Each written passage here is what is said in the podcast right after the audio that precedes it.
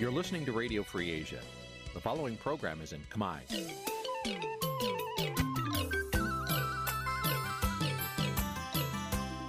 Nǐ chi càm bi tiệp xáy vệt chiu a zì sê ray នេះជាកម្មវិធីផ្សាយរបស់ Vithu Azisari ជាភាសាខ្មែរ វិទ្យុអាស៊ីសេរីសូមស្វាគមន៍លោកអ្នកនាងទាំងអស់ពីរដ្ឋធានី Washington នៃសហរដ្ឋអាមេរិក បាទខ្ញុំបាទទីនសាការីយ៉ាសូមជម្រាបសួរលោកនាងកញ្ញាទាំងអស់ជាទីមេត្រីខ្ញុំបាទសូមជូនកម្មវិធីផ្សាយសម្រាប់ព្រឹកថ្ងៃអង្គារ600ខែចែកឆ្នាំខាលចត្វាស័កពុទ្ធសករាជ2566ត្រូវនៅថ្ងៃទី11ខែមេសាគ្រិស្តសករាជ2023បាទជាដំបូងនេះសូមអញ្ជើញលោកនាងកញ្ញាស្ដាប់ព័ត៌មានប្រចាំថ្ងៃដែលមានមេត្តាដូចតទៅ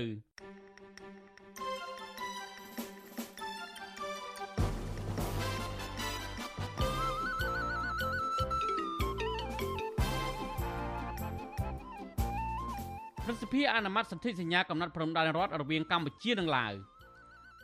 យុវជនគណបកភ្លើងទៀននៅតែរក្សាចំហការសម្ដែងមតិនៅមុខស្នាក់ការគណបកទោះជាមានការគម្រិតកំហែង។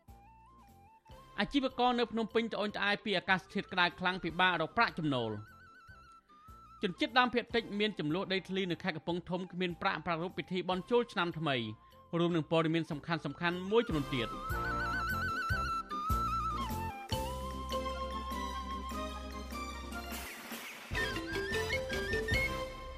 បាទលោកនាងជាទីមេត្រីជាបន្តទៅនេះខ្ញុំបាទធីនសាការីយ៉ាសូមជូនព័ត៌មានពិស្ដាសមាជិកប្រសិទ្ធិកាលពីថ្ងៃទី10មេសាម្សិលមិញបានអនុម័តសន្ធិសញ្ញាកំណត់ព្រំដែនរដ្ឋរវាងកម្ពុជានិងឡាវនៅពេលការបោះបង្គោលព្រំដែនសម្រេចបាន86%សមាជិកប្រសិទ្ធិចំនួន58សម្លេងបានឯកភាពគ្នាលើសន្ធិសញ្ញាកំណត់ព្រំដែនរដ្ឋរវាងកម្ពុជានិងឡាវទាំងស្រុង ការសម្រេចរបស់ប្រសិទ្ធិនេះធ្វើឡើងបន្ទាប់ពីរដ្ឋសភាបានអនុម័តសន្ធិសញ្ញាកំណត់ព្រំដែនរដ្ឋរវាងកម្ពុជានិងឡាវនេះកាលពីថ្ងៃទី30មិនិនាសន្ធិសញ្ញានេះគឺជាការទទួលស្គាល់ផ្លូវការលើការបោះបង្គោលព្រំដែនដែលរដ្ឋាភិបាលអះអាងថាសម្រេចបានប្រមាណជា86%នៃខ្សែបន្ទាត់ព្រំដែនសរុបរវាងប្រទេសទាំងពីរពលគឺស្មើនឹង465គីឡូម៉ែត្រនៃព្រំដែនសរុបប្រមាណជា540គីឡូម៉ែត្រ រដ្ឋាភិបាលអះអាងទៀតថាភាគីទាំងពីរបោះបង្គោលព្រំដែនបានចំនួន121បង្គោលលើដីជាក់ស្ដែងនៅខេត្តព្រះវិហារស្ទឹងត្រែងនិងរតនគិរី។សន្ធិសញ្ញាកំណត់ព្រំដែនរដ្ឋរវាងប្រទេសទាំងពីរនេះត្រូវបានចុះហត្ថលេខានៅទីក្រុងវៀងច័ន្ទកាលពីថ្ងៃទី13ខែកុម្ភៈឆ្នាំ2023ដោយលោកនាយករដ្ឋមន្ត្រីហ៊ុនសែននិងលោកសយសាយស៊ីផាន់ដននាយករដ្ឋមន្ត្រីនៃប្រទេសឡាវក្រោយពេលមន្ត្រីជំនាញនៃប្រទេសទាំងពីរ បានជួបប្រជុំចរចាគ្នាចំនួន188លើកចាប់តាំងពីឆ្នាំ1995ដល់ឆ្នាំ2009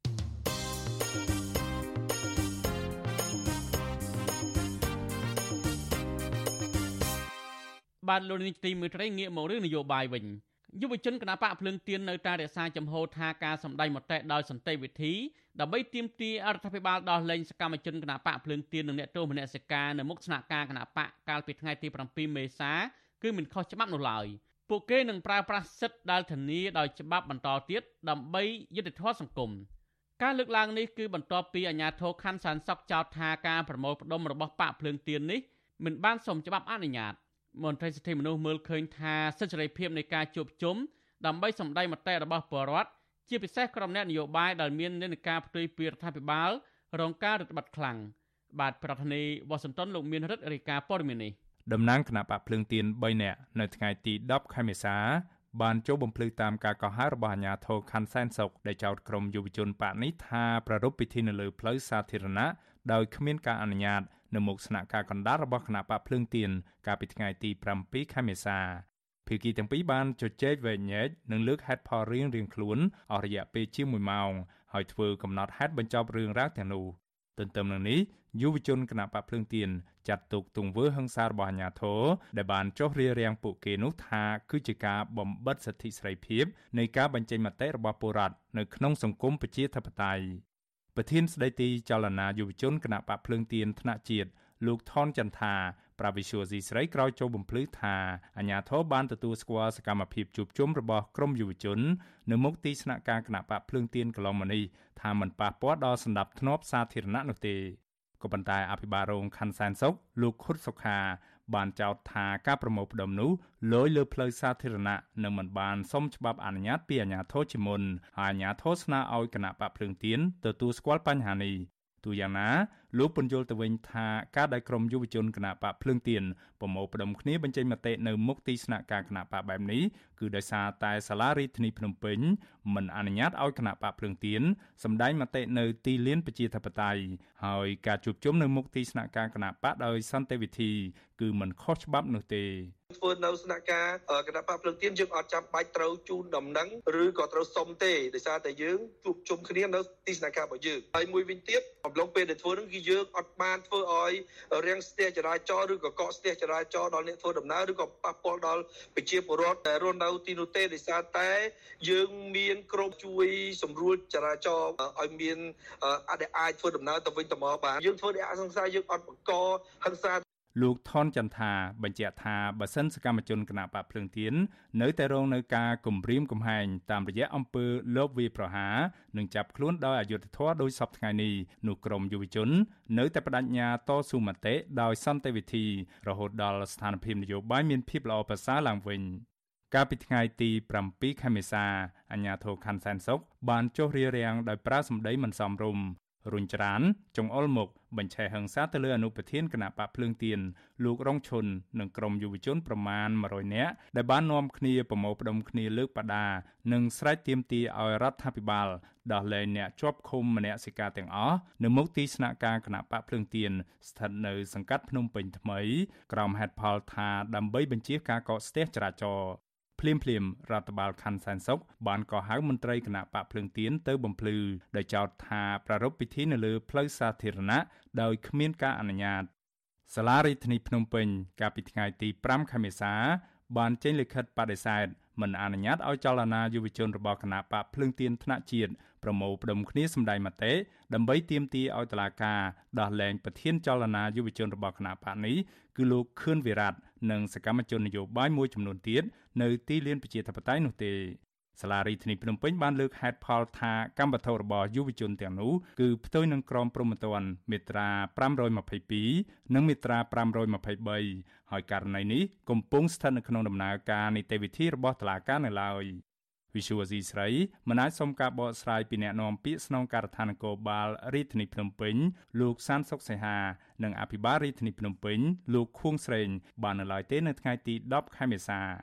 មាត្រា35នៃរដ្ឋធម្មនុញ្ញចែងថាប្រជាពលរដ្ឋខ្មែរទាំងពីរភេទមានសិទ្ធិចូលរួមយ៉ាងសកម្មនៅក្នុងជីវភាពនយោបាយសេដ្ឋកិច្ចសង្គមគិច្ចនិងវប្បធម៌របស់ប្រទេសជាតិ ហើយសេចក្តីស្នើទាំងឡាយរបស់ប្រជាពលរដ្ឋត្រូវទទួលបានការពិនិត្យនិងដោះស្រាយយ៉ាងម៉ត់ចត់ពីអង្គការរដ្ឋចំណែកមាត្រា37នៃរដ្ឋធម្មនុញ្ញដដែលចែងថាសិទ្ធិធ្វើកោតកម្មនិងធ្វើបាតកម្មដោយសន្តិវិធីត្រូវយកមកអនុវត្តនៅក្នុងក្របខ័ណ្ឌនៃច្បាប់ខណៈមាត្រា41ចែងថាប្រជាពលរដ្ឋខ្មែរមានសេរីភាពក្នុងការបញ្ចេញមតិរបស់ខ្លួនសេរីភាពខាងសារព័ត៌មានសេរីភាពខាងបោះពុម្ពផ្សាយនិងសេរីភាពខាងជួបជុំជាដើម ក្រមអ្នកការពារសិទ្ធិមនុស្សពន្យល់ថាបុរដ្ឋមានសិទ្ធិពេញលេញក្នុងការប្រមូលផ្ដុំគ្នាសម្ដែងមតិផ្អែកលើមូលដ្ឋានច្បាប់កម្ពុជារបស់ជាតិនិងច្បាប់អន្តរជាតិជាច្រើនរួមមានដូចជារដ្ឋធម្មនុញ្ញសេចក្តីថ្លែងការណ៍ជាសកលស្តីពីសិទ្ធិមនុស្សព្រមទាំងកតិកាសញ្ញាអន្តរជាតិស្តីពីសិទ្ធិបុរដ្ឋនិងសិទ្ធិនយោបាយ លើសពីនេះទៀតសូម្បីតែនៅក្នុងច្បាប់ស្តីពីបាតកម្មដោយសន្តិវិធីក៏មិនបានតម្រូវឲ្យពលរដ្ឋទៅសុំការអនុញ្ញាតពីអាជ្ញាធរដែរគឺត្រឹមតែការជូនដំណឹងតែប៉ុណ្ណោះជុំវិញរឿងនេះនាយកទទួលបន្ទុកកិច្ចការទូតនៃអង្គការសិទ្ធិមនុស្សលីកាដូ លោកអំសមាត មានប្រសាសន៍ថាទីលានប្រជាធិបតេយ្យគឺជាកន្លែងជួបជុំសម្ដែងមតិដោយសន្តិវិធី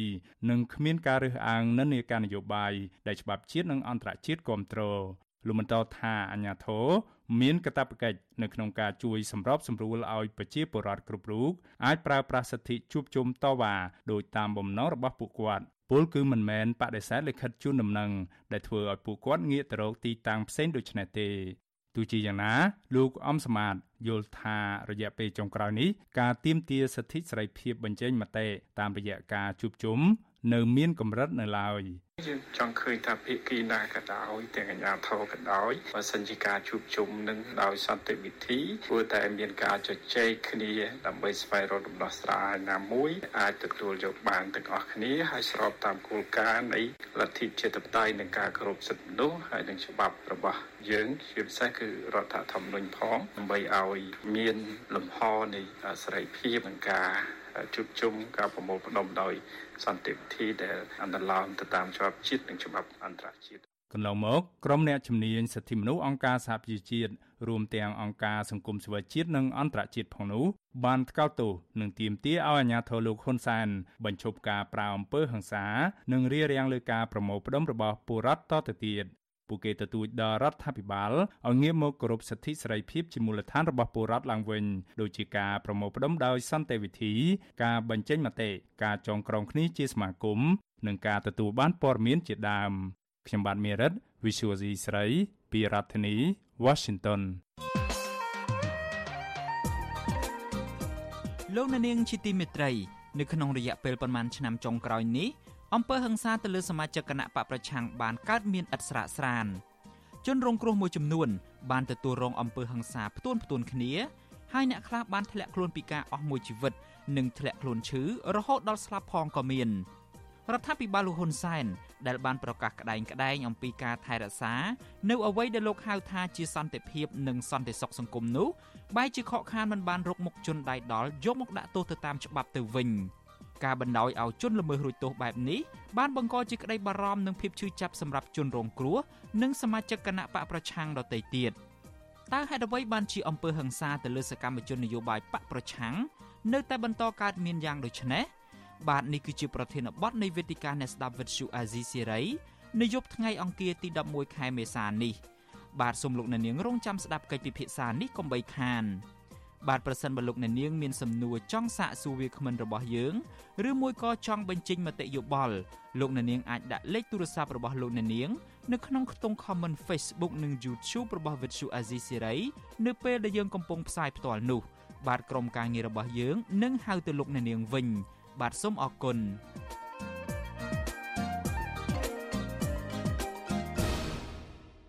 បាទលោកជាទីមេត្រីតកតងនឹងការពន្យាអាយុ របស់មន្ត្រីសាឡាវថោនោះគឺមន្ត្រីសិទ្ធិមនុស្សនិងអ្នកច្បាប់រិះគន់ការអនុញ្ញាតឲ្យចៅក្រមនិងព្រះអាជ្ញានៅសាឡាវថោអាចពន្យាពេលចូលនិវត្តន៍រហូតដល់អាយុ65ឆ្នាំការរិះគន់នេះដោយសារតែពួកគេព្រួយបារម្ភថានឹងធ្វើឲ្យបាត់បង់ឱកាសសម្រាប់អ្នកចំនួនក្រោយដែលមានទឹកចិត្តនិងឆន្ទៈពិតប្រាកដចង់ចូលរួមបំពេញការងារជាចៅក្រមឬព្រះរាជអាជ្ញាដើម្បីជួយកែប្រែនិងលើកកម្ពស់ប្រព័ន្ធយុតិធម៌នៅកម្ពុជាសង្គមស៊ីវិលព្រួយបារម្ភថាចៅក្រមនិងព្រះអាជ្ញានៅសាឡាវថោ ដែលបានបំពេញការងារយូរឆ្នាំមកហើយនោះហើយអាចពន្យាអាយុចូលនិវត្តន៍ច្រើនឆ្នាំទៅមុខទៀតនឹងធ្វើឲ្យសមត្ថភាពនិងវ័យកាន់តែចាស់ទ្រុឌទ្រោមរបស់ពួកគេមិនអាចទទួលខុសត្រូវលើការងាររបស់ខ្លួនបានល្អប្រសើរនោះឡើយពួកគេលើកឡើងថាការធ្វើបែបនេះនឹងធ្វើឲ្យអ្នកចំនួនក្រោយដែលត្រៀមខ្លួនបន្តវេនដែលមានឆន្ទៈនិងទឹកចិត្តត្រូវបាត់បង់ឱកាស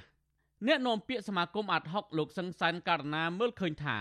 កម្ពុជាគួរតែទុកឱកាសឲ្យអ្នកចំនួនក្រោយ ដែលមានសមត្ថភាពចំណេះដឹងនិងបទពិសោធន៍ថ្មីថ្មី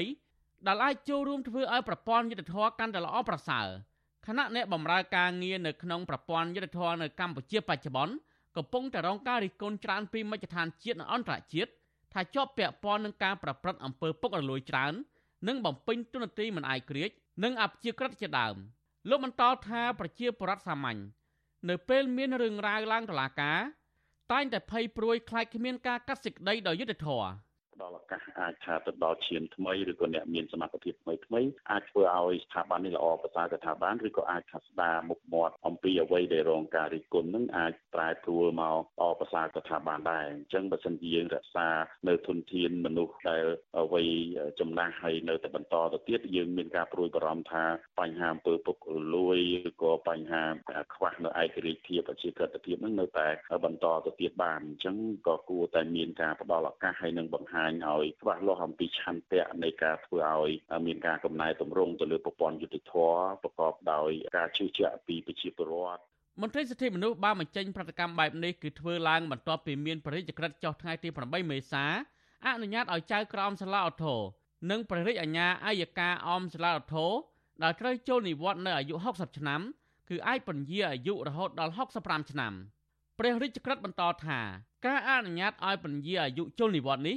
ដើម្បីឲ្យដោះស្រាយរយៈពេលអន្តរកាលនៃការខ្វះខាតចំនួនចៅក្រមនិងព្រះអាជ្ញានៅសាឡាអូថូសម្ដៅដល់ធានានិរន្តរភាពនៃកិច្ចការដំណើរការរបស់ស្ថាប័នតុលាការនិងអង្គការអัยការរបស់កម្ពុជាទោះជាយ៉ាងនេះក្តីមន្ត្រីសិទ្ធិមនុស្សនិងអ្នកច្បាប់យល់ឃើញថាហេតុផលនេះហាក់មិនឆ្លុះបញ្ចាំងពីការពិតនោះទេពីព្រោះកន្លងមករដ្ឋាភិបាលតែងតែអះអាងថាកម្ពុជាមានធនធានយុវជនចេញពីសាលាច្រើនក្នុងមួយឆ្នាំមួយឆ្នាំ ពួកគេបន្ថែមថានៅក្នុងវិស័យច្បាប់កម្ពុជាមានធនធានដែលទទួលបានការបណ្ដោះបណ្ដាលទាំងនៅក្នុងស្រុកនិងក្រៅស្រុកនិងសុទ្ធសឹងតែជាអ្នកមានចំណេះដឹងនិងមានសមត្ថភាពផ្នែកច្បាប់ជុំវិញនឹងបញ្ហានេះវិទ្យុអាស៊ីសេរីមិនអាចតាក់ទងអ្នកនាំពាក្យក្រសួងយុទ្ធភ័ពលោកចិនម៉ាលីននិងប្រធានសាលាឧទ្ធរភ្នំពេញលោកសេងស៊ីវត្ថាដើម្បីសំសួរអំពីបញ្ហានេះបានទេនៅថ្ងៃទី10មេសាច្បាប់ស្តីពីលក្ខន្តិកៈនៃចៅក្រមនិងព្រះអាជ្ញាចែងថា បុគ្គលដែលត្រូវជ្រើសរើសសម្រាប់បំពេញមុខងារជាចៅក្រមនិងព្រះរាជអាជ្ញាត្រូវតែជាអ្នកមានសមត្ថភាព និងជាអ្នកសុចរិតមានសីលធម៌ស្អាតស្អំលើសពីនេះពួកគេត្រូវសម្រេចសេចក្តីដោយមិនលំអៀងនិងត្រូវឈលលើគោលការណ៍គោរពច្បាប់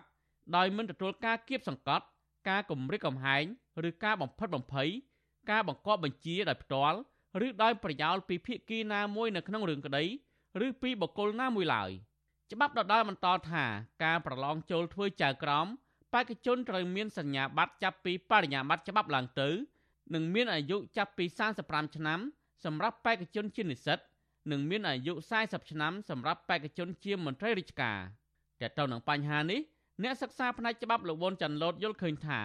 ការអនុញ្ញាតឲ្យចៅក្រមនិងព្រះរាជអាជ្ញាសាឡាអូថូអាចពន្យាអាយុចូលនិវត្តន៍នៅពេលនេះប្រៀបដូចជាប័ណ្ណឱកាសក្មេងចំនួនក្រោយ ដែលមានវិជ្ជាជីវៈជំនាញ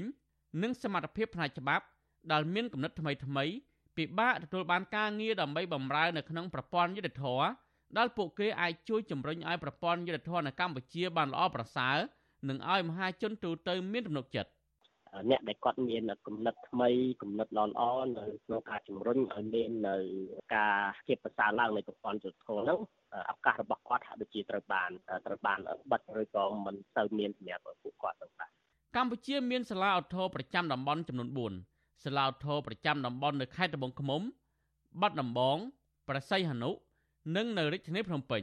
មន្ត្រីសង្គមស៊ីវិលលើកឡើងទៀតថាការជ្រើសរើសចៅក្រមនិងព្រះរាជអាជ្ញាដែលអាចបំពេញការងារដោយឯករាជ្យគួរតែមានការប្រឡងជ្រើសរើសឆ្លងកាត់ការត្រួតពិនិត្យពីគណៈកម្មការចម្រុះ ដែលធ្វើឲ្យជឿទុកចិត្តថាមិនជាប់ពាក់ព័ន្ធនឹងបកពួកជាពិសេសគណៈបកនយោបាយលើសពីនេះគណៈបកនយោបាយក៏គួរតែមិនពាក់ព័ន្ធនឹងចៅក្រមនិងព្រះអាជ្ញាជៀសវាងពួកគេបំពេញការងារមិនល្អហើយនឹងមិនអាយក្រិចនៅពេលត្រូវកាត់សេចក្តីរឿងនយោបាយអ្នកនយោបាយឬសកម្មជនសង្គមជាដើមនោះ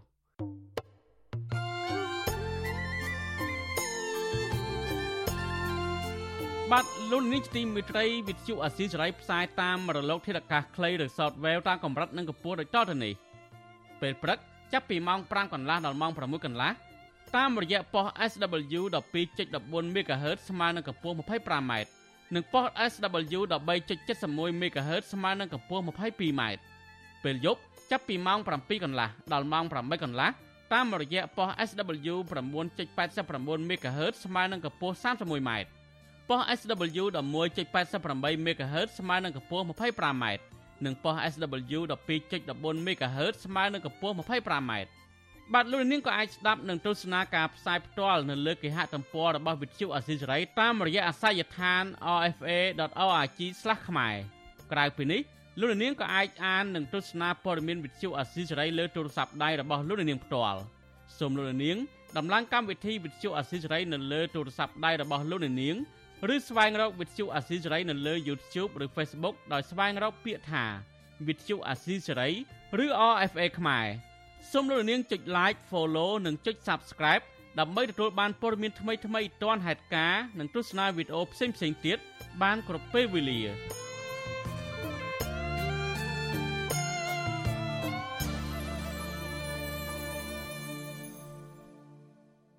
បាទលោកនាយកទីមេត្រីតទៅនៅអាកាសធាតុកំពុងតែក្តៅហែងឯនេះវិញ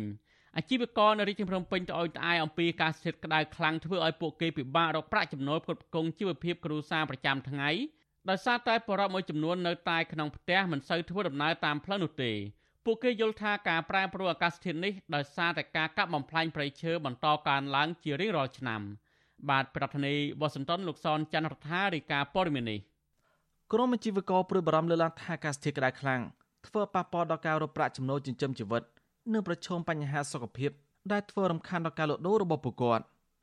អាជីវករលក់ភេសជ្ជៈតាមរមាក់កង់3លោកស្រីសំវតីបានប្រាប់វិទ្យុស៊ីសេរីថ្ងៃទី10ខែមេសាថាបច្ចុប្បន្នលោកស្រីពិបាករកប្រាក់ទីទួច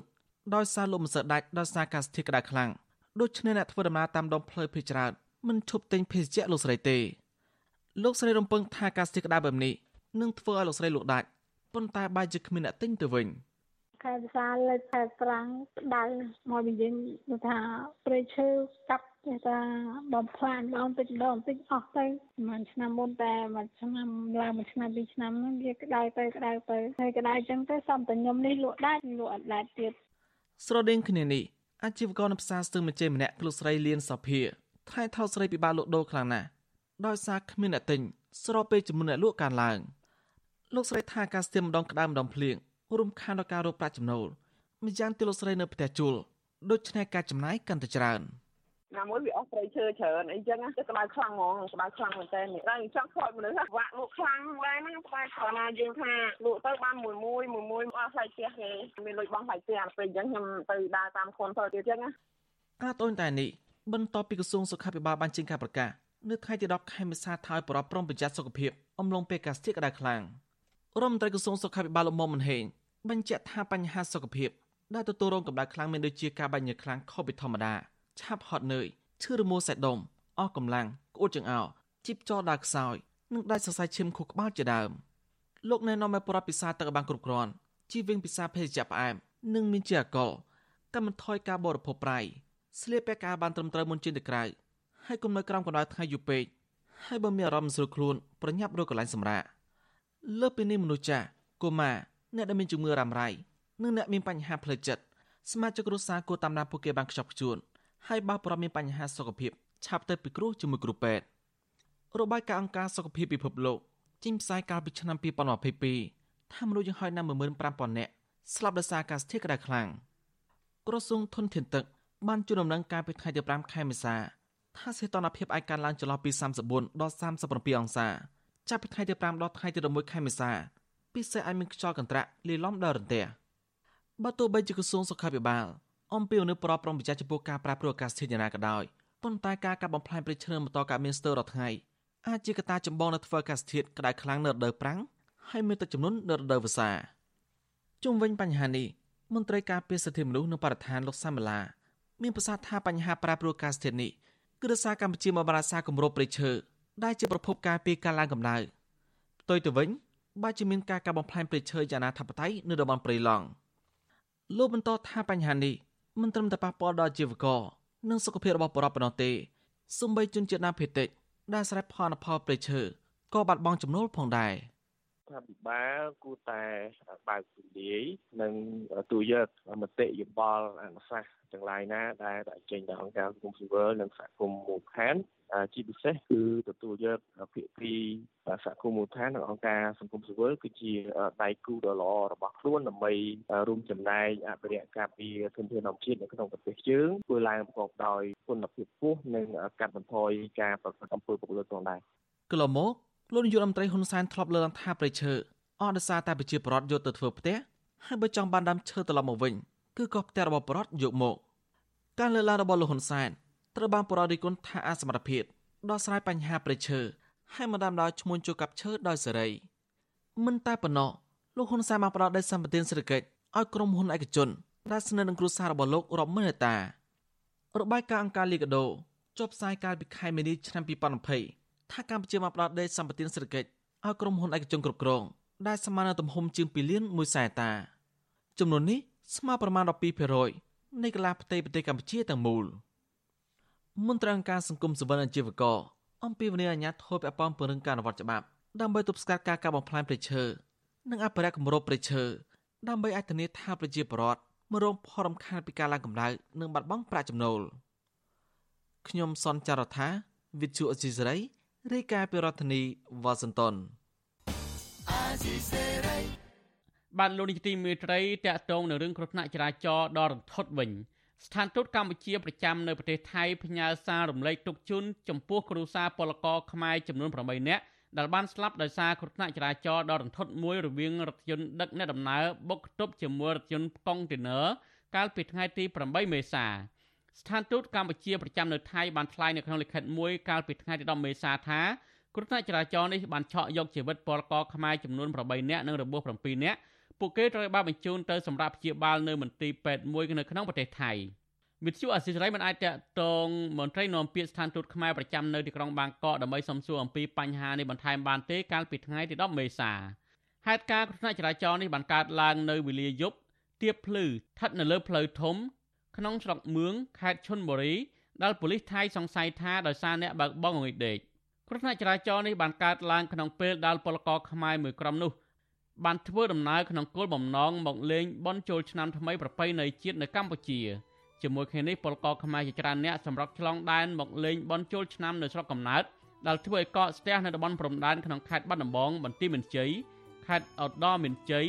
តាំងពីថ្ងៃទី8មេសារហូតមក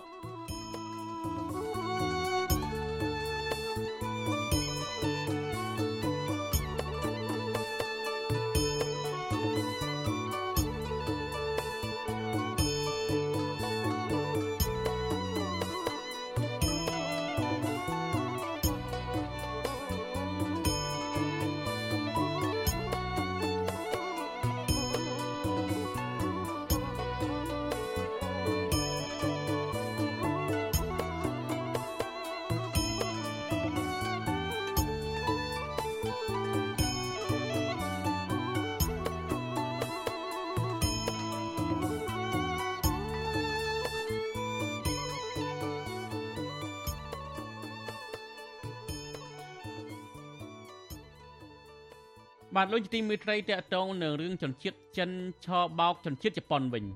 អ្នកនាំពាក្យអគ្គនាយកដ្ឋានអន្តរប្រវេសអះអាងថាកម្ពុជាកំពុងតែរៀបចំបញ្ជូនជនជាតិជប៉ុន19នាក់ដែលជាប់ពាក់ព័ន្ធនឹងអំពើឆបោកតាមអនឡាញទៅប្រទេសកំណើតរបស់ខ្លួនវិញមន្ត្រីអង្គការសង្គមស៊ីវិលយល់ឃើញថាដើម្បីទប់ស្កាត់បទល្មើសអនឡាញនិងការជួញដូរមនុស្សនៅកម្ពុជាឲ្យមានប្រសិទ្ធភាពរដ្ឋាភិបាលគួរតែចាប់ជនល្មើសជាមេខ្លោងនិងអ្នករួមគំនិតមកផ្ដន្ទាទោសឲ្យបានធ្ងន់ធ្ងរតាមផ្លូវច្បាប់ ជាជាងរងចាំតែទទួលពាក្យបណ្ដឹងទើបមានវិធានការតាមក្រោយនោះ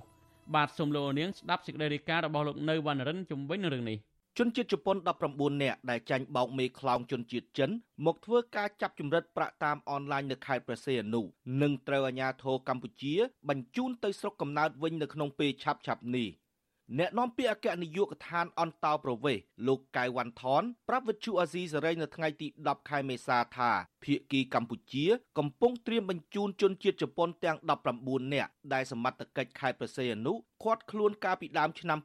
2023ទៅប្រទេសជប៉ុនវិញនៅក្នុងពេលឆាប់ឆាប់នេះទោះជាយ៉ាងណាលោកបញ្ជាក់ថាភៀកគីកម្ពុជាមិនទាន់បានកំណត់ថ្ងៃជាក់លាក់ដើម្បីបណ្ដេញជនជាតិជប៉ុនដែលប្រព្រឹត្តបទល្មើសឆបោកតាមអនឡាញទាំងនោះនៅឡើយទេធ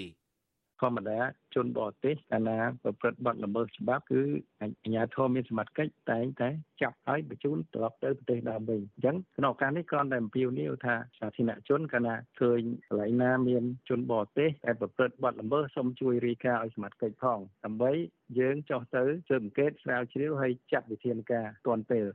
វិទ្យុអាស៊ីសេរីបានតាក់ទងស្ថានទូតជប៉ុនប្រចាំកម្ពុជា តាមសារអេឡិចត្រូនិកដើម្បីសុំការបកស្រាយបន្ថែមជុំវិញរឿងនេះនៅថ្ងៃទី10ខែមេសាប៉ុន្តែមិនទាន់បានទទួលការឆ្លើយតបវិញនោះទេសមត្ថកិច្ចខេត្តប្រសេនុឃាត់ខ្លួនជនជាតិជប៉ុន19នាក់និងបញ្ជីឈ្មោះជនជាតិជប៉ុនមួយច្បាប់ដែលគេជឿជាក់ថាជាក្រុមគោលដៅដែលពួកគេឆបោកតាមអនឡាញ ការឃាត់ខ្លួននេះធ្វើឡើងបន្ទាប់ពីកងកម្លាំងសមត្ថកិច្ចបានទទួលពាក្យបណ្ដឹងតាមទូរស័ព្ទប្រយុទ្ធប្រឆាំងនឹងការឆបោកតាមអនឡាញថាមានការចាប់ជំរិតជនជាតិជប៉ុនដូចគ្នាជិត20នាក់នៅក្នុងសន្តាគារមួយកន្លែងនៅភូមិខាងត្បូងក្រុងព្រះសីហនុដោយសារតែការអនុវត្តច្បាប់ទុនខ្សោយប្រទេសកម្ពុជាគឺជាកន្លែងដ៏តាក់ទាញសម្រាប់មេឧក្រិដ្ឋជន ប្រព្រឹត្តបទល្មើសចាប់ជំរិតប្រាក់តាមអនឡាញនិងជួញដូរមនុស្ស មេខ្លោងអ ுக ្រិតជនដែលភៀសច្រើនជាជនជាតិចិនបានបោកប្រាស់និស្សិតបរទេសដែលទើបបញ្ចប់ការងារថ្មីថ្មីមកធ្វើការនៅក្នុងប្រទេសកម្ពុជាដោយសន្យាថានឹងផ្ដល់ប្រាក់ខែច្រើនប៉ុន្តែពួកគេត្រូវបានឃុំខ្លួន និងបង្ខំឲ្យធ្វើការបោកប្រាស់តាមអនឡាញដោយមិនទទួលបានប្រាក់ខែនោះឡើយក្នុងនោះជនរងគ្រោះខ្លះក៏ត្រូវរងអំពើហិង្សាផងដែរប្រសិនបើពួកគេមិនព្រមធ្វើការ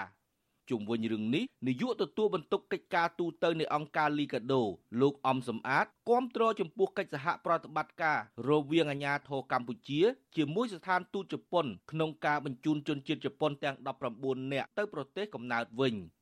លោកបានថែមថាមូលហេតុសំខាន់ដែលបណ្ដាលឲ្យមានបទល្មើសបោកប្រាស់តាមអនឡាញនិងអំពើជួញដូរមនុស្សនៅកម្ពុជាកាន់តែកើនឡើងគឺដោយសារតែអំពើពុករលួយជាប្រព័ន្ធ ដូច្នេះដើម្បីលុបបំបាត់បទល្មើសទាំងនេះប្រកបដោយប្រសិទ្ធភាពរដ្ឋាភិបាលត្រូវចាប់មេខ្លោងនិងអ្នកដែលពាក់ព័ន្ធឲ្យទទួលខុសត្រូវចំពោះមុខច្បាប់ជាជាងមានតែផែនការចំពោះជនរងគ្រោះដែលត្រូវគេបង្ខំឲ្យឆបោកតាមអនឡាញនោះយើងជាអង្គការសង្គមស៊ីវិលនៅតែទទូចឲ្យអាជ្ញាធរមានសមត្ថកិច្ចនឹងចាត់វិធានការឲ្យបានតឹងរឹងដើម្បីបង្ក្រាបទៅលើបទល្មើសនៃការឆបោកតាមប្រព័ន្ធអនឡាញឬក៏ការជួញដូរ មនុស្សហ្នឹងហើយនឹងមានកិច្ចសហការល្អរវាងអាជ្ញាធរដែលពាក់ព័ន្ធប្រជាពលរដ្ឋហើយនឹងបណ្ដាប្រទេសជិតខាងនិងនៅក្នុងតំបន់និងលើឆាកអន្តរជាតិដើម្បីបង្ក្រាបការទប់ស្កាត់ហើយអ្វីដែលជារឿងសំខាន់គឺត្រូវតែលុបបាត់នៅអំពើពុករលួយក្រៅពីជនជាតិជប៉ុនកន្លងមកជនជាតិនៅក្នុងតំបន់អាស៊ីដទៃទៀតរួមមានជនជាតិថៃវៀតណាមម៉ាឡេស៊ីចិន និងហ្វីលីពីនជាដើមក៏បានចាញ់បោកការបញ្ឆោតឲ្យមកធ្វើការនៅប្រទេសកម្ពុជាដែររបាយការណ៍ជួញដូរមនុស្សនៅកម្ពុជាចេញដោយក្រសួងការបរទេសសហរដ្ឋអាមេរិកកាលពីខែកក្កដាឆ្នាំ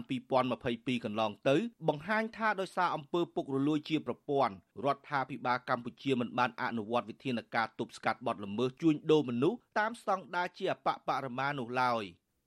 ដោយសារតែបាត់ល្មើសជួញដូរមនុស្សមានកាន់តែច្រើនឡើងពីមួយឆ្នាំទៅមួយឆ្នាំចាប់តាំងពីឆ្នាំ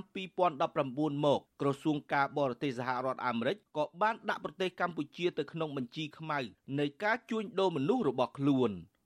ខ្ញុំបាទនៅវណ្ណរិន With Chu Azizi Saray ពីរដ្ឋធានី Washington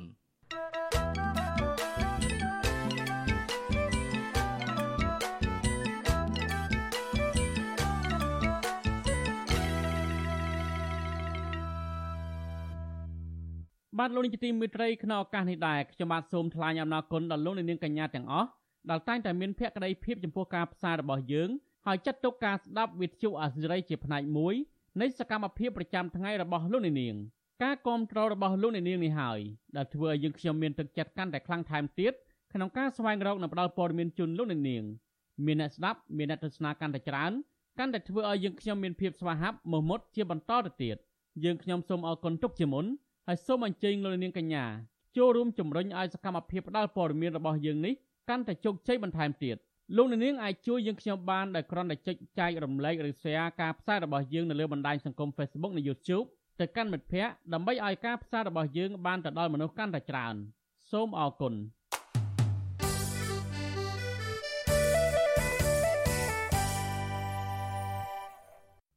បាទលោកនាយទីមេត្រីតេតងនឹងពិធីបុណ្យចូលឆ្នាំថ្មីដែលនឹងមកដល់នាពេលខាងមុខនេះវិញក្រុមយុវជននិងសកម្មជនបរិស្ថានបារម្ភថាការលេងល្បែងគប់ទឹកដោយថង់ប្លាស្ទិកក្នុងអំឡុងពេលបុណ្យចូលឆ្នាំខ្មែរនឹងបន្សល់ទុកសម្រាមដ៏ច្រើនដែលធ្វើឲ្យប៉ះពាល់បរិស្ថានមន្ត្រីសង្គមស៊ីវិលថាអាញាធិបតេយ្យពាន់គួរតែមានវិធានការនិងការណែនាំពាក់ព័ន្ធនឹងរឿងនេះដើម្បីកាត់បន្ថយសម្រាមនិងផលប៉ះពាល់នានាបាទពីរដ្ឋធានីវ៉ាស៊ីនតោនអ្នកស្រីសុជីវីរាយការណ៍ព័ត៌មាននេះ ស្របពេលពិធីបុណ្យចូលឆ្នាំថ្មីប្រពៃណីជាតិនៅក្នុងរដូវក្តៅហួតហែងនឹងឈានចូលមកដល់នៅថ្ងៃទី13ខែមេសាខាងមុខនេះទឹកត្រូវបានពលរដ្ឋខ្មែរប្រើប្រាស់សម្រាប់លេងកម្សាន្តមានដូចជាការជះទឹកច្រកថង់គប់និងប្រើកាំភ្លើងជាប់បាញ់ទឹកជាដើមក្រមយុវជននិងសកម្មជនបរិស្ថានព្រួយបារម្ភពីការលេងគប់ទឹករបស់ប្រជាពលរដ្ឋដែលប្រើថង់ប្លាស្ទិកនៅក្នុងអំឡុងពេលនោះ យុវជននៅខេត្តបាត់ដំបងកញ្ញាសាឌីណាប្រាប់វិទ្យុអាស៊ីសេរីនៅថ្ងៃទី10ខែមេសាថាកញ្ញាមិនគាំទ្រឲ្យមានការលេងគប់ទឹកឡើយដោយសារតែកញ្ញាយល់ឃើញថាការលេងបែបនេះបានបង្កគ្រោះថ្នាក់ទៅដល់អ្នកដទៃដោយមានអ្នកខ្លះដួលម៉ូតូខ្លះបែកក្បាលខៀវភ្នែករហូតមានអ្នកខ្លះធ្លាក់ខ្លួនពីការទៀតផងលើសពីនេះកញ្ញាថាការលេងគប់ទឹកដោយច្រកទឹកនៅក្នុងថង់បានបន្សល់ទុកសម្រាមផ្លាស្ទិកជាច្រើនក្រោយពេលចូលឆ្នាំរួច ផលប៉ះពាល់មួយទៀតគឺធំបំផុតហ្នឹងគឺសម្រាមកាលណាតលេងហើយគឺឃើញហើយដូចផ្ការីកចឹងនៅតាមដងផ្លូវមិនថាដងផ្លូវសាធារណៈមិនថាតាមភូមិតាមស្រុកទេគឺដូចផ្ការីកហ្មងមិនផ្ការីកធម្មជាតិទេណាគឺថង់ផ្លាស្ទិកហ្មងឡងសស្ប្រងចំណែកសកម្មជនបរិស្ថានចលនាមេដាធម្មជាតិកញ្ញាមានលីសាឲ្យដឹងថា ក្រោយពេលពិធីបុណ្យចូលឆ្នាំថ្មីជារៀងរាល់ឆ្នាំកញ្ញាតែងសង្កេតឃើញមានកាកសំណល់ជាច្រើន ជាពិសេសសំណល់ថង់ផ្លាស្ទិកតូចៗដែលសល់ពីការលេងគប់ទឹកកញ្ញាបន្តថាការសម្អាតនៅក្រោយពេលពិធីបុណ្យចូលឆ្នាំថ្មីមិនមែនជាជំរើសល្អនោះទេដោយអាជ្ញាធរក្រសួងពាក់ព័ន្ធត្រូវបណ្ដុះគំនិតដល់ពលរដ្ឋឲ្យចូលរួមថែរក្សាបរិស្ថាន និងបញ្ឈប់មិនឲ្យលេងល្បែងគប់ទឹកនេះតទៅទៀតសកម្មភាពគប់ទឹកវាមិនមែនជាល្បែងប្រពៃណីខ្មែរ បើយើងកាត់បន្ថយឬក៏យើងឈប់លេងហ្មងក៏បានដែរព្រោះកន្លងមកអឺការលេងហ្នឹងវាអត់ឃើញអីជាប្រយោជន៍វាគ្រាន់តែសប្បាយនៅពេលពេលកំឡុងពេលចូលឆ្នាំអញ្ចឹងណាការលេងជះនឹងបាច់ទឹកជាទម្លាប់មួយដែលคล้ายមកពីការស្រង់ព្រះឬងូតទឹកជំរះកាយឲ្យអ្នកមានគុណចាស់ព្រឹទ្ធាចារ្យនៅថ្ងៃចូលឆ្នាំចុងក្រោយកាលពីដើមឡើយប្រជាពលរដ្ឋនាំគ្នាដាក់ធុងទឹក រួយផ្កានិងបាញ់ទឹកអប់នៅក្នុងពេលនោះហើយជះទឹកទៅលើអ្នកធ្វើដំណើរតាមដងផ្លូវដែលពួកគេយល់ឃើញថាទឹកជាធាតុនាំមកនូវភាពត្រជាក់ត្រជុំនិងស័ក្តិសមលេងនៅក្នុងខែចែកដែលជារដូវក្តៅតែមកដល់ក្នុងពេលបច្ចុប្បន្ននេះយុវជនមួយចំនួនចាប់ផ្ដើមប្រែក្លាយការលេងកាន់តែអាក្រក់ជាងមុនហើយមានកំភ្លើងបាញ់ទឹកតូចធំនិងច្រកទឹកនៅក្នុងថង់តូចតូច ទំហំប៉ុនកដៃមនុស្សចាស់គប់ទៅលើអ្នកដទៃដោយជួនកាលថែមទាំងមានដុំទឹកកកឬដុំថ្មដាក់នៅក្នុងនោះថែមទៀតផងការគប់ទឹកនេះក៏នាំឲ្យមានគ្រោះថ្នាក់ចរាចរណ៍បង្ករបួសស្នាម ការឆ្លៀតឱកាសកេងប្រវ័ញ្ចផ្លូវភេទនិងបន្សល់ទុកសម្រាមផងដែរវិទ្យុអាស៊ីសេរីមិនអាចតកតងแนะនាំពាក្យក្រសួងវប្បធម៌និងវិចិត្រសិល្បៈលោកលងប៉ុណ្ណាសេរីវត្តនិងแนะនាំពាក្យអគ្គស្នង ការនគរបាលជាតិលោកឆៃកឹមខឿនដើម្បីសុំការបកស្រាយអំពីបញ្ហានេះបានទេនៅថ្ងៃទី10ខែមេសាពាក់ព័ន្ធនឹងការរៀបចំសម្ដាប់ធ្នាប់ពិធីបុណ្យចូលឆ្នាំថ្មីខាងមុខនេះស្នងការនគរបាលខេត្តបន្ទាយមានជ័យបានអំពាវនាវឲ្យប្រជាពលរដ្ឋជាពិសេសយុវជនឲ្យគោរពច្បាប់ចរាចរណ៍មិនត្រូវបើកបរនៅក្នុងស្ថានភាពស្រវឹងទប់ស្កាត់គ្រោះអគ្គិភ័យដោយត្រូវប្រុងប្រយ័ត្នចំពោះភ្លើងទៀនធូបភ្លើងចង្ក្រានចរន្តអគ្គិសនីនិងជៀសវាងដាច់ខាតការលេងបាញ់ទឹកជះទឹក គប់ស្បង់ទឹកលាបធ្យូងប៉ាតម្សៅឬជិះម៉ូតូបង្ហោះប្រដេញគ្នាលេងនៅតាមដងផ្លូវនិងហាមលេងល្បែងស៊ីសងអុចផាវនិងគ្រឿងផ្ទុះគ្រប់ប្រភេទតែកតិននឹងរឿងនេះប្រធានសមាគមនិស្សិតបញ្ញវន្តខ្មែរលោកកើតសរាយយល់ឃើញថាការលេងទឹកនៅក្នុងពិធីចូលឆ្នាំថ្មីមិនអាចលុបបំបាត់ដោយងាយឡើយព្រោះវាបានคล้ายទៅជាទម្លាប់របស់ប្រជាជនកម្ពុជាទៅហើយតែយ៉ាងណាលោកថាអាញាធរត្រូវចាត់វិធានការតឹងរឹងទៅលើសកម្មភាពទាំងឡាយណា ដែលបង្កគ្រោះថ្នាក់ទៅដល់ប្រជាពលរដ្ឋដូចជាការលេងគប់ទឹកជាដើមនិងបង្កើនការលេងល្បែងប្រជាប្រិយឲ្យកាន់តែច្រើនថែមទៀតដើម្បីកាត់បន្ថយគ្រោះថ្នាក់និងសោកនាដកម្មនៅក្នុងឱកាសសប្បាយរីករាយហើយសេចក្តីណែនាំនោះកុំកុំស្ថិតនៅក្នុងការអំពាវនាវតែខាងសូមឲ្យមានជាវិធានការច្បាប់ហើយផ្សព្វផ្សាយឲ្យទូលាយមុនចូលឆ្នាំជារៀងរាល់ឆ្នាំមុនឱកាសពិធីបុណ្យចូលឆ្នាំថ្មីអាជ្ញាធរនិងរដ្ឋបាលក្រុងខេត្តនានា តែងអំពាវនាវកុំឲ្យប្រជាពលរដ្ឋលេងបាញ់ទឹកជះទឹកគប់ស្បង់ទឹកលាបធ្យូងប៉ាត់ម្សៅទះគក់ដោយដៃឬវាយដោយរំពាត់ទៅលើអ្នកធ្វើដំណើរឬអ្នកជិះម៉ូតូហើយបង្ហោះម៉ូតូប្រដេញគ្នាតាមដងផ្លូវព្រមទាំងហាមឃាត់ដាច់ខាតការលេងល្បែងស៊ីសងអុចផាវនិងគ្រឿងផ្ទុះគ្រប់ប្រភេទតែទោះជាយ៉ាងណា ការអំពាវនាវនេះនៅតែមិនអាចលុបបំបាត់បាននៅការប្រព្រឹត្តនិងការលេងល្បែងទាំងនោះជាពិសេស ការលេងជះទឹកគប់ស្បោងទឹក និងប៉ាតម្សៅជាដើមនាងខ្ញុំសុជីវី With you Azizi Serai ពីរដ្ឋធានី Washington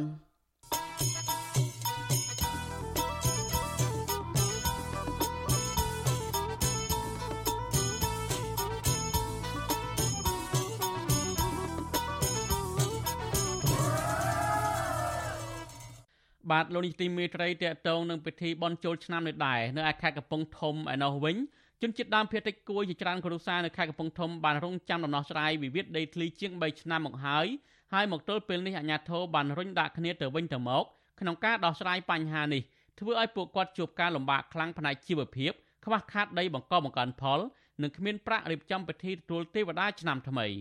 ពលរដ្ឋទាំងនោះអះអាងថាដីស្រែចម្ការគេឪពុកម្ដាយរបស់ពួកគាត់ទំហំជិត100ហិកតា ត្រូវបានអ្នកមានអំណាចម្នាក់រំលោភយកទាំងស្រុងតាំងពីឆ្នាំ2020មកបាទសូមលោកនាងស្ដាប់សេចក្តីរាយការណ៍របស់លោកលេងម៉ាលីអំពីរឿងនេះជនជាតិដើមភាគតិចគួយ33គ្រួសាររស់នៅភូមិតាឡែកឃុំសាឡាវិស័យស្រុកប្រាសាទបាឡាំងខេត្តកំពង់ធំជាប់ព្រំដែនខេត្តព្រះវិហារត្អូញត្អែពីជីវភាពខ្វះខាតមិនបានចូលរួមពិធីបុណ្យចូលឆ្នាំថ្មី ប្រពៃណីជាតិគ្រប់គ្រួសារនោះឡើយ ខណៈដែលដីស្រែចម្ការដែលពួកគាត់ធ្លាប់អាស្រ័យផលតាំងពីដូនតារៀងមកត្រូវបានអ្នកមានអំណាចរំលោភយកអស់ទាំងស្រុងអ្នកភូមិនិយាយថាចាប់តាំងពីលោកស្រីកែវលក្ខណាត្រូវជាភរិយាអុកញ៉ាហាក់ប៊ុនថារំលោភយកដីស្រែចម្ការរបស់ពួកគាត់ទំហំសរុបជាង70ហិកតា តាំងពីឆ្នាំ2020មកទល់ពេលនេះនៅសល់តែជនជាតិដើមភាគតិចគួយ22គ្រួសារប៉ុណ្ណោះដែលក្រាញ់ននៀលវិចបង្វិចដើរស្វែងរកយុត្តិធម៌ជាង3ឆ្នាំមកហើយ រីឯជនជាតិដើមភាគតិច7គ្រួសារទៀតបង្ខំចិត្តធ្វើចំណាក់ស្រុកទៅធ្វើការនៅប្រទេសថៃព្រោះអស់ជំនឿលើអាញាធរក្នុងការដោះស្រាយបញ្ហានេះតំណាងពលរដ្ឋលោកស្រីងួនហៀងប្រពន្ធយុអស៊ីសេរីនៅថ្ងៃទី10មេសាថាពិធីបុណ្យចូលឆ្នាំថ្មីនេះអ្នកភូមិភៀកច្រើនទីតលក្រខ្លាំងគ្មានលុយទិញចង្ហាន់ប្រគេនព្រះសង្ឃនិងសម្ភារៈផ្សេងផ្សេងដើម្បីរៀបចំទទួលទេវតាឆ្នាំថ្មីឡើយរីឯវត្តអារាមដែលធ្លាប់មានពុទ្ធបរិស័ទ ប្រគេនចង្ហាន់គុតគង់ព្រះសង្ឃគ្រប់គ្រាន់ក៏ខ្វះខាតដែរលោកស្រីថាមកទល់ពេលនេះពួកលោកស្រីមិនត្រឹមតែគ្មានដីបង្កបង្កើនផលនោះទេ តែត្រូវចំណាយថវិកានិងពេលវេលាដើរស្វែងរកកិច្ចអន្តរាគមន៍ពីអាជ្ញាធរជាច្រើនស្ថាប័ន លេងស្ថាប័នមួយទៅស្ថាប័នមួយខ្ញុំយ៉ាប់មែនទែនយ៉ាប់ទាំងឆវិកាធ្វើដំណើរយ៉ាប់ទាំងអីទាំងអស់ហើយតាមមួយជាពលរដ្ឋក៏គាត់អស់លឺទាំងដែលសុំអន្តរាគមច្រើនឆ្នាំហើយយើងអត់មានដំណោះដោះស្រាយជាពលរដ្ឋគាត់អស់កម្លាំងអស់អីអស់ទាំងឆវិកាដែលគាត់មានការព្រួយភ័យបារម្ភមែនទែនរាល់ថ្ងៃករណីចំនួនដីធ្លីនេះកើតមានឡើងដោយសារអ្នកមានឥទ្ធិពលម្នាក់គឺលោកស្រីកែវលក្ខណាបានបញ្ជាឲ្យគ្រឿងចាក់ឈូសឆាយរំលោភដីស្រែចម្ការផលដំណាំ ដីចម្ការវិលជុំនិងដីព្រៃរបស់សល់ចុងក្រោយ ទំហំជាង70ហិកតា ដែលជនជាតិដើមភាគតិច33គ្រួសារអាស្រ័យផលតាំងពីដូនតាមកម្លេះអ្នកភូមិថាបច្ចុប្បន្នពួកគាត់គ្មានដីដាំដុះធ្វើកសិកម្មចិញ្ចឹមជីវិតទៀតទេព្រោះដីដែលធ្លាប់ធ្វើកន្លងទៅត្រូវបានគេឈូសឆាយកំទេចដើម្បីដាំកស៊ូអស់ជាបន្តបន្ទាប់តាំងពីឆ្នាំ2021មកលោកស្រីងួនហៀងបន្ថែមថា គ្រួសារលោកស្រីមានដី5ហិកតា មានដំណាំស្រូវស្វាយចន្ទី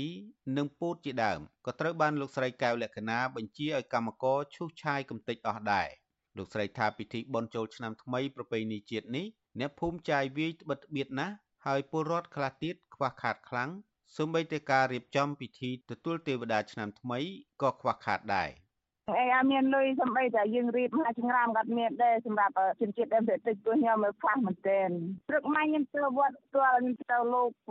8អង្គនៅវត្តហ្នឹងតែខ្ញុំមានបាយនឹងស្លោតគួនគុំត្រេកកញ្ចុះពីដីក្របខ្ញុំអត់ខ្លោចចិត្តដល់ឃើញលោកឆាន់បែបហ្នឹងពេលលោកអត់មានអីឆានរាល់ថ្ងៃចឹងខ្ញុំសួរយាយជីក៏ថាមានអីទេរាល់ថ្ងៃចឹងអីវិទ្យុអាស៊ីសេរីមិនទាន់អាចតាក់ទងសុំការបំភ្លឺរឿងនេះពីលោកស្រីកែវលក្ខណាបាននៅឡើយទេ នៅថ្ងៃទី10មេសា ចំណែកអ្នកនាំពាក្យសាលាខេត្តនេះគឺលោកយងកំហឿងក៏វិទ្យុអស៊ីសេរីមិនអាចសុំការបំភ្លឺបានដែរនៅថ្ងៃដដែលនេះដោយសារទូរស័ព្ទហៅចូលតែគ្មានអ្នកលើកចាប់តាំងពីឆ្នាំ2021មកទល់ពេលនេះអ្នកភូមិបានដាក់ញត្តិសុំកិច្ចអន្តរាគមន៍ពីអាជ្ញាធរខេត្តព្រះវិហារនិងក្រសួងដែនដីហើយក្រសួងសម័យមួយនេះបានរុញឲ្យអាជ្ញាធរខេត្តព្រះវិហារដោះស្រាយចំនួនដីធ្លីនេះប៉ុន្តែមកទល់ពេលនេះនៅតែគ្មានដំណោះស្រាយ ជុំវិញរឿងនេះនាយកប្រតិបត្តិអង្គការពន្លកខ្មែរលោកពឹកសុភ័ណ្ឌសង្កេតឃើញថាវិវាទដីធ្លីនេះបានអូសបន្លាយពេល3ឆ្នាំមកហើយដែលលោកចាត់ទុកថាជាការទទួលខុសត្រូវរបស់អាជ្ញាធរដែនដី និងអាជ្ញាធរថ្នាក់ជាតិដែលត្រូវបម្រើពលរដ្ឋ ជនជាតិដើមភាគតិចនៅតំបន់នោះរងទុកវេទនាហើយស៊ូទ្រាំនៅកន្លែងនោះមិនបានត្រូវតែបង្ខំចិត្តចាកចោលសុកទេសរបស់ខ្លួនដើម្បីទៅស្វែងរកចំណូលពីព្រោះគេនឹងហាមឃាត់តាមរយៈការទុកចោលហើយរងចាំការដោះស្រាយហើយដល់ចឹងទៅពួកគាត់ត្រូវតែប្រឈមមុខនឹងការបាត់បង់ចំណូលមន្ត្រីសង្គមស៊ីវិលរូបនេះបន្ថែមថាពួកគាត់កាន់តែលំបាកវេទនាមួយកម្រិតទៀត ដោយសារគ្មានដីដាំដុះចិញ្ចឹមក្រពះ3ឆ្នាំមកហើយដោយសារអ្នកមានអំណាចរំលោភយកដីទាំងស្រុងរីឯព្រៃអាស្រ័យផល និងដីស្រែចម្ការដែលធ្លាប់អាស្រ័យផលជាច្រើនឆ្នាំមកហើយក៏បានបាត់បង់បូករួមទាំងតំបន់សន្លងស្លដែកដែលជាកន្លែងតំបន់ប្រវត្តិសាស្ត្រដូនតាគួយផងដែរខ្ញុំបាទលេងម៉ាលីវិទ្យុអស៊ីសេរីរាយការណ៍ពីរដ្ឋធានី Washington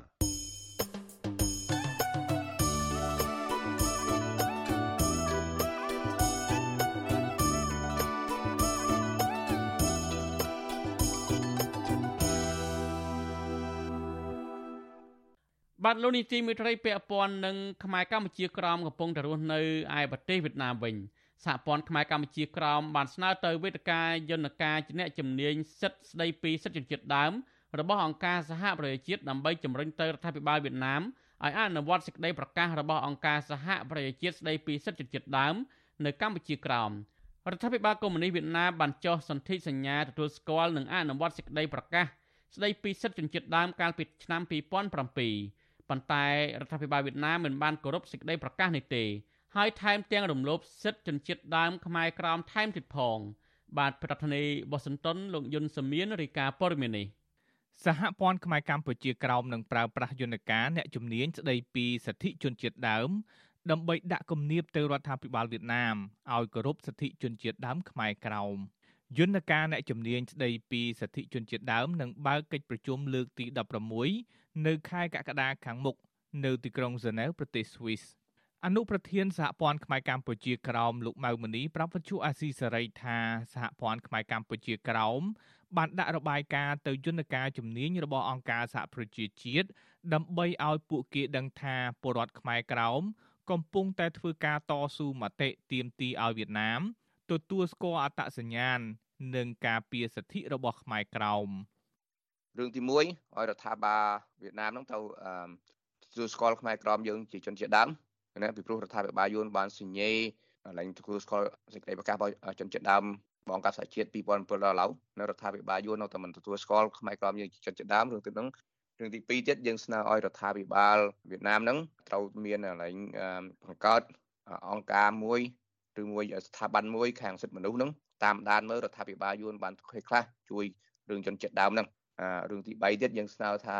រដ្ឋាភិបាលយួនត្រូវឲ្យខ្មែរក្រមយើងមានសិទ្ធិបកប្រែឬមួយចែកចាយសេចក្តីប្រកាសរបស់ជនជាតិដើមហ្នឹងកុំឲ្យចាប់ចងឬមួយធ្វើបាបខ្មែរក្រមយើងដោយរដ្ឋាភិបាលយួនធ្លាប់ធ្វើមកហ្នឹងយន្តការអ្នកជំនាញជាស្ថាប័នផ្ដល់ប្រឹក្សានិងជំនាញលើសិទ្ធិជនជាតិដើមយន្តការនេះជួយប្រទេសជាសមាជិកអង្គការសហប្រជាជាតិឲ្យសម្រេចការលើកស្ទួយសិទ្ធិជនជាតិដើម ដែលមានចែងនៅក្នុងសេចក្តីប្រកាសរបស់អង្គការសហប្រជាជាតិយន្តការអ្នកជំនាញមានសមាជិកឯករាជ្យ7រូបតែងតាំងដោយក្រុមប្រឹក្សាសិទ្ធិមនុស្សរបស់អង្គការសហប្រជាជាតិដែលមានជំនាញខាងសិទ្ធិជនជាតិដើមរបាយការណ៍របស់សហព័ន្ធខ្មែរកម្ពុជាក្រោមទៅយន្តការអ្នកជំនាញស្ដីពីសិទ្ធិជនជាតិដើមសរសេរថាបច្ចុប្បន្នរដ្ឋាភិបាលវៀតណាមបានបដិសេធផ្ដល់សិទ្ធិជនជាតិដើមដល់ខ្មែរក្រោម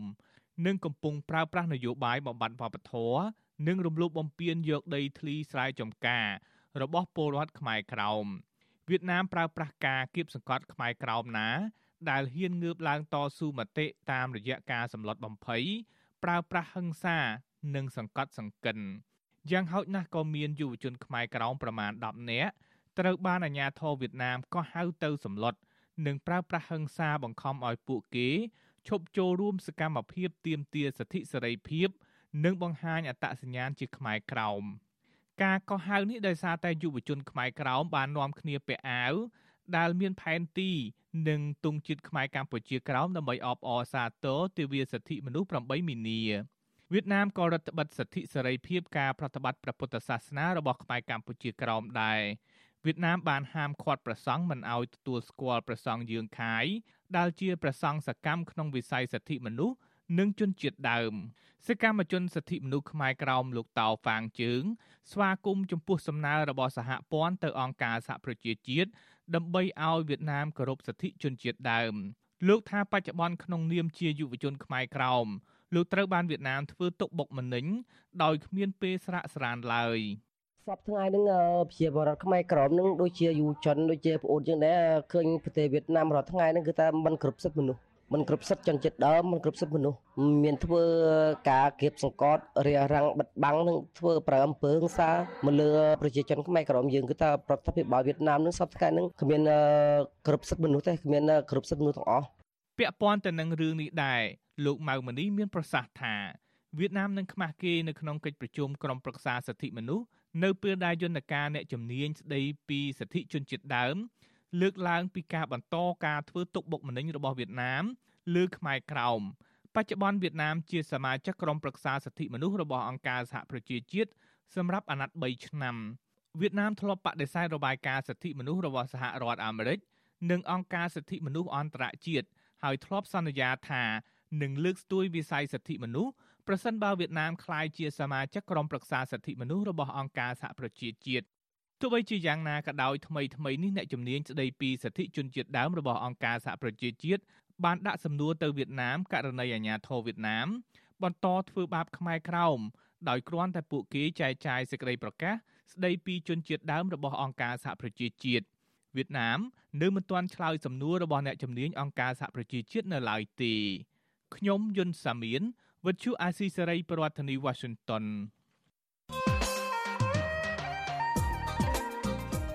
លោកនាងជាទីមេត្រីនៅក្នុងរយៈពេលប្រមាណឆ្នាំចុងក្រោយនេះអំពើហិង្សាទៅលើសមាជិកគណៈបកប្រឆាំងបានកើតមានឥតស្រាកស្រានជនរងគ្រោះមួយចំនួន បានទទួលរងអំពើហិង្សាផ្ទួនផ្ទួនគ្នា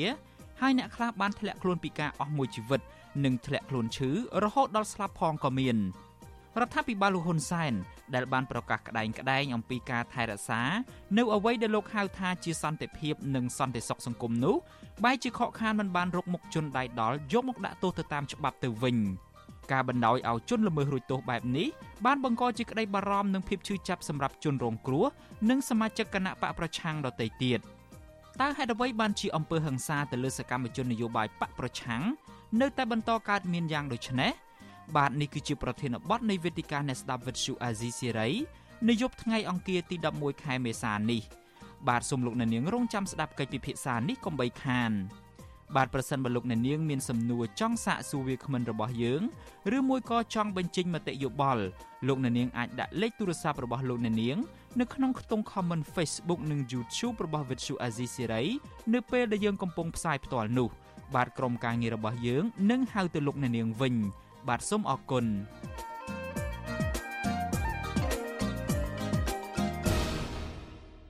បាទលោកនេះទីមេត្រីតកតងនឹងរឿងទំនាស់ប្រដាល់គុណខ្មែរវិញទំនាស់អ្នកគាំទ្រប្រដាល់គុណខ្មែរនឹងមួយថៃកំពុងតែមានភាពចម្រូងចម្រាសនិងរីករាលដាលទៅដល់វប្បធម៌ប្រវត្តិសាស្ត្រនិងសិល្បៈ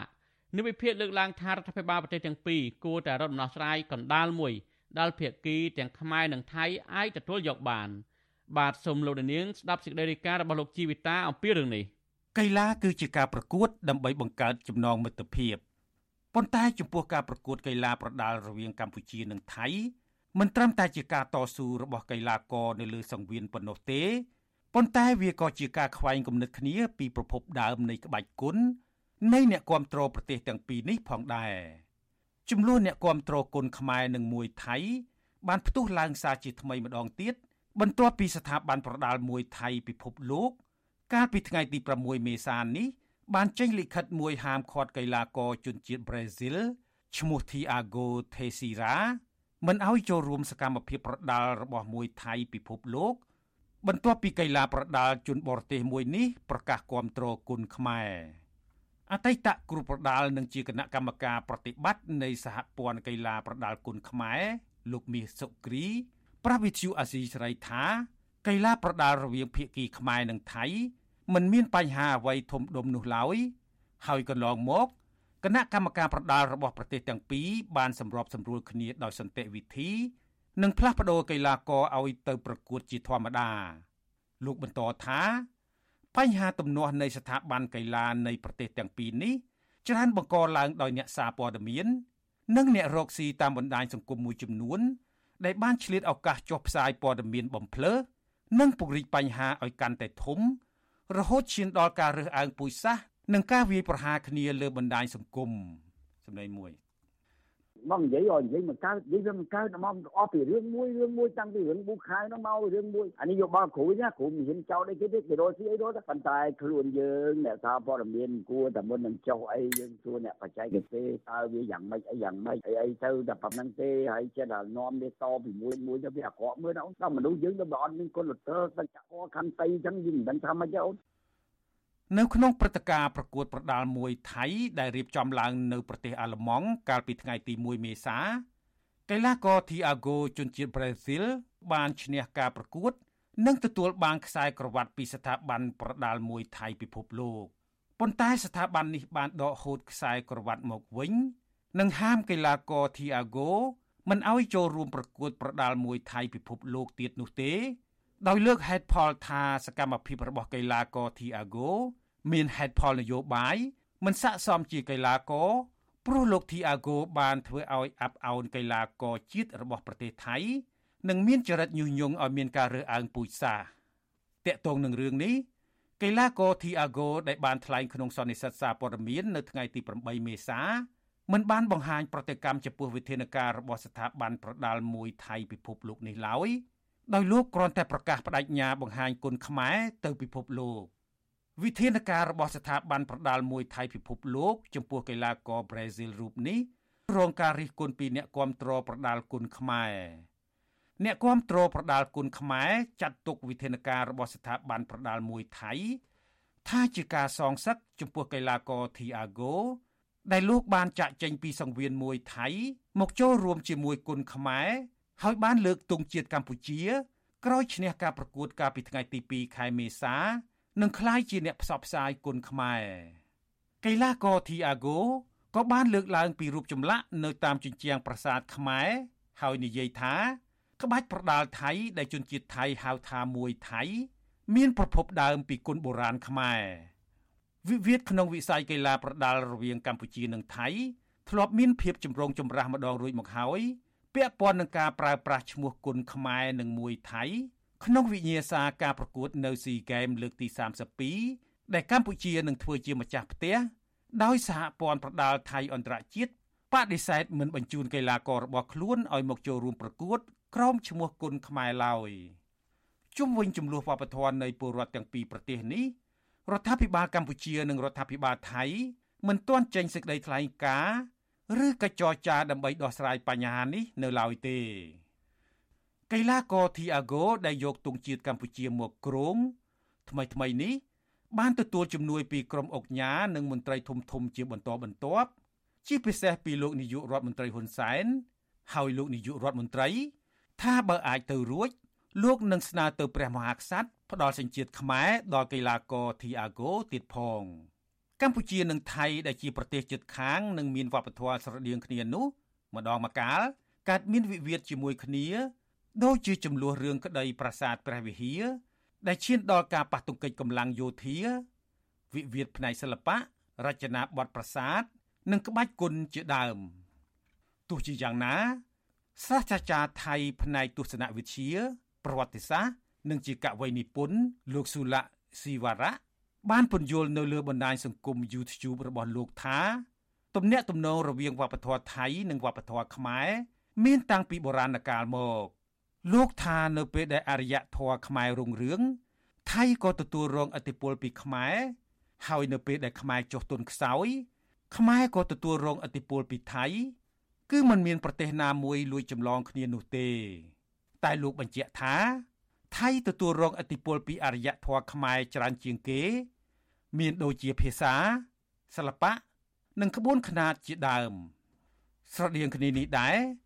អ្នកស្រាវជ្រាវការអភិវឌ្ឍសង្គមបណ្ឌិតសេងសារី សង្កេតឃើញថាវិវាទនៃការប្រើឈ្មោះគុនខ្មែរឬមួយថៃ និងវប្បធម៌នៃប្រទេសទាំងពីរនេះកើតឡើងដោយសារគំនិតជាតិនិយម និងដានប្រវត្តិសាស្ត្រលោកយល់ថា ដើម្បីបញ្ចប់វិវាទនេះ រដ្ឋាភិបាលនៃប្រទេសទាំងពីរគួររកដំណោះស្រាយកណ្ដាលមួយ ដែលភាគីទាំងពីរអាចទទួលយកបាន លោកសេងសេរីលើកឡើងថា ស្ថិតក្នុងកលៈទេសៈដែលប្រទេសទាំងពីរកំពុងនឹងមានការបោះឆ្នោតនាពេលខាងមុខពលរដ្ឋគួរយកចិត្តទុកដាក់លើរឿងនយោបាយវិញ ដោយសារដំណាក់កាលបច្ចុប្បន្ននេះទាំងអ្នកនយោបាយថៃនិងខ្មែរហ្នឹងគឺភាគច្រើនសិតតែជាអ្នកនយោបាយដែលចាស់ជរាដឹកនាំនយោបាយតាមបែបបុរាណបុរាណតាមបែបប្រពៃណីកម្ពុជានិងថៃវាដល់ពេលដូចគ្នានៅក្នុងការដំណាក់កាលមួយដែលអ្នកចំនួនថ្មីហ្នឹងត្រូវបន្តនៅក្នុងការដឹកនាំនយោបាយក៏ប៉ុន្តែគណៈថាបន្តហ្នឹងបន្តជាលក្ខណៈបន្តពូជឬក៏ជាលក្ខណៈបន្តនៅក្នុងក្របខ័ណ្ឌប្រជាធិបតេយ្យទៅប៉ុណ្ណោះបាទទោះជាយ៉ាងណាក៏ដោយចុះ អ្នកខ្លំមើលនយោបាយអន្តរជាតិសង្កេតឃើញថាទាំងអ្នកនយោបាយកម្ពុជានិងអ្នកនយោបាយថៃកំពុងប្រើប្រាស់ចំនួនវប្បធម៌នេះដើម្បីកេងចំណេញនយោបាយតាមរយៈការបង្វែរស្ថានភាពនិងព្រឹត្តិការណ៍សង្គមប្រទេសទាំងពីរនេះមានស្ថានភាពនយោបាយស្រដៀងគ្នា នោះគឺការត្រៀមខ្លួនរៀបចំការបោះឆ្នោតនាពេលខាងមុខដ៏ខ្លីនេះខ្ញុំជីវិតាអាស៊ីសេរី បាទលោកនាងជាទីមេត្រីការផ្សាយរយៈពេល1ម៉ោងនៃវិទ្យុអាស៊ីសេរីជាភាសាខ្មែរនៅពេលនេះចប់តែប៉ុណ្ណេះយើងខ្ញុំសូមជូនពរដល់លោកនាងព្រមទាំងក្រុមគ្រួសារទាំងអស់ឲ្យជួបប្រកបតែនឹងសេចក្តីសុខចម្រើនរុងរឿងកុំបីឃ្លៀងឃ្លាតឡើយខ្ញុំបាទទីនសាករិយាព្រមទាំងក្រុមការងារទាំងអស់នៃវិទ្យុអាស៊ីសេរីសូមអរគុណនិងសូមជម្រាបលា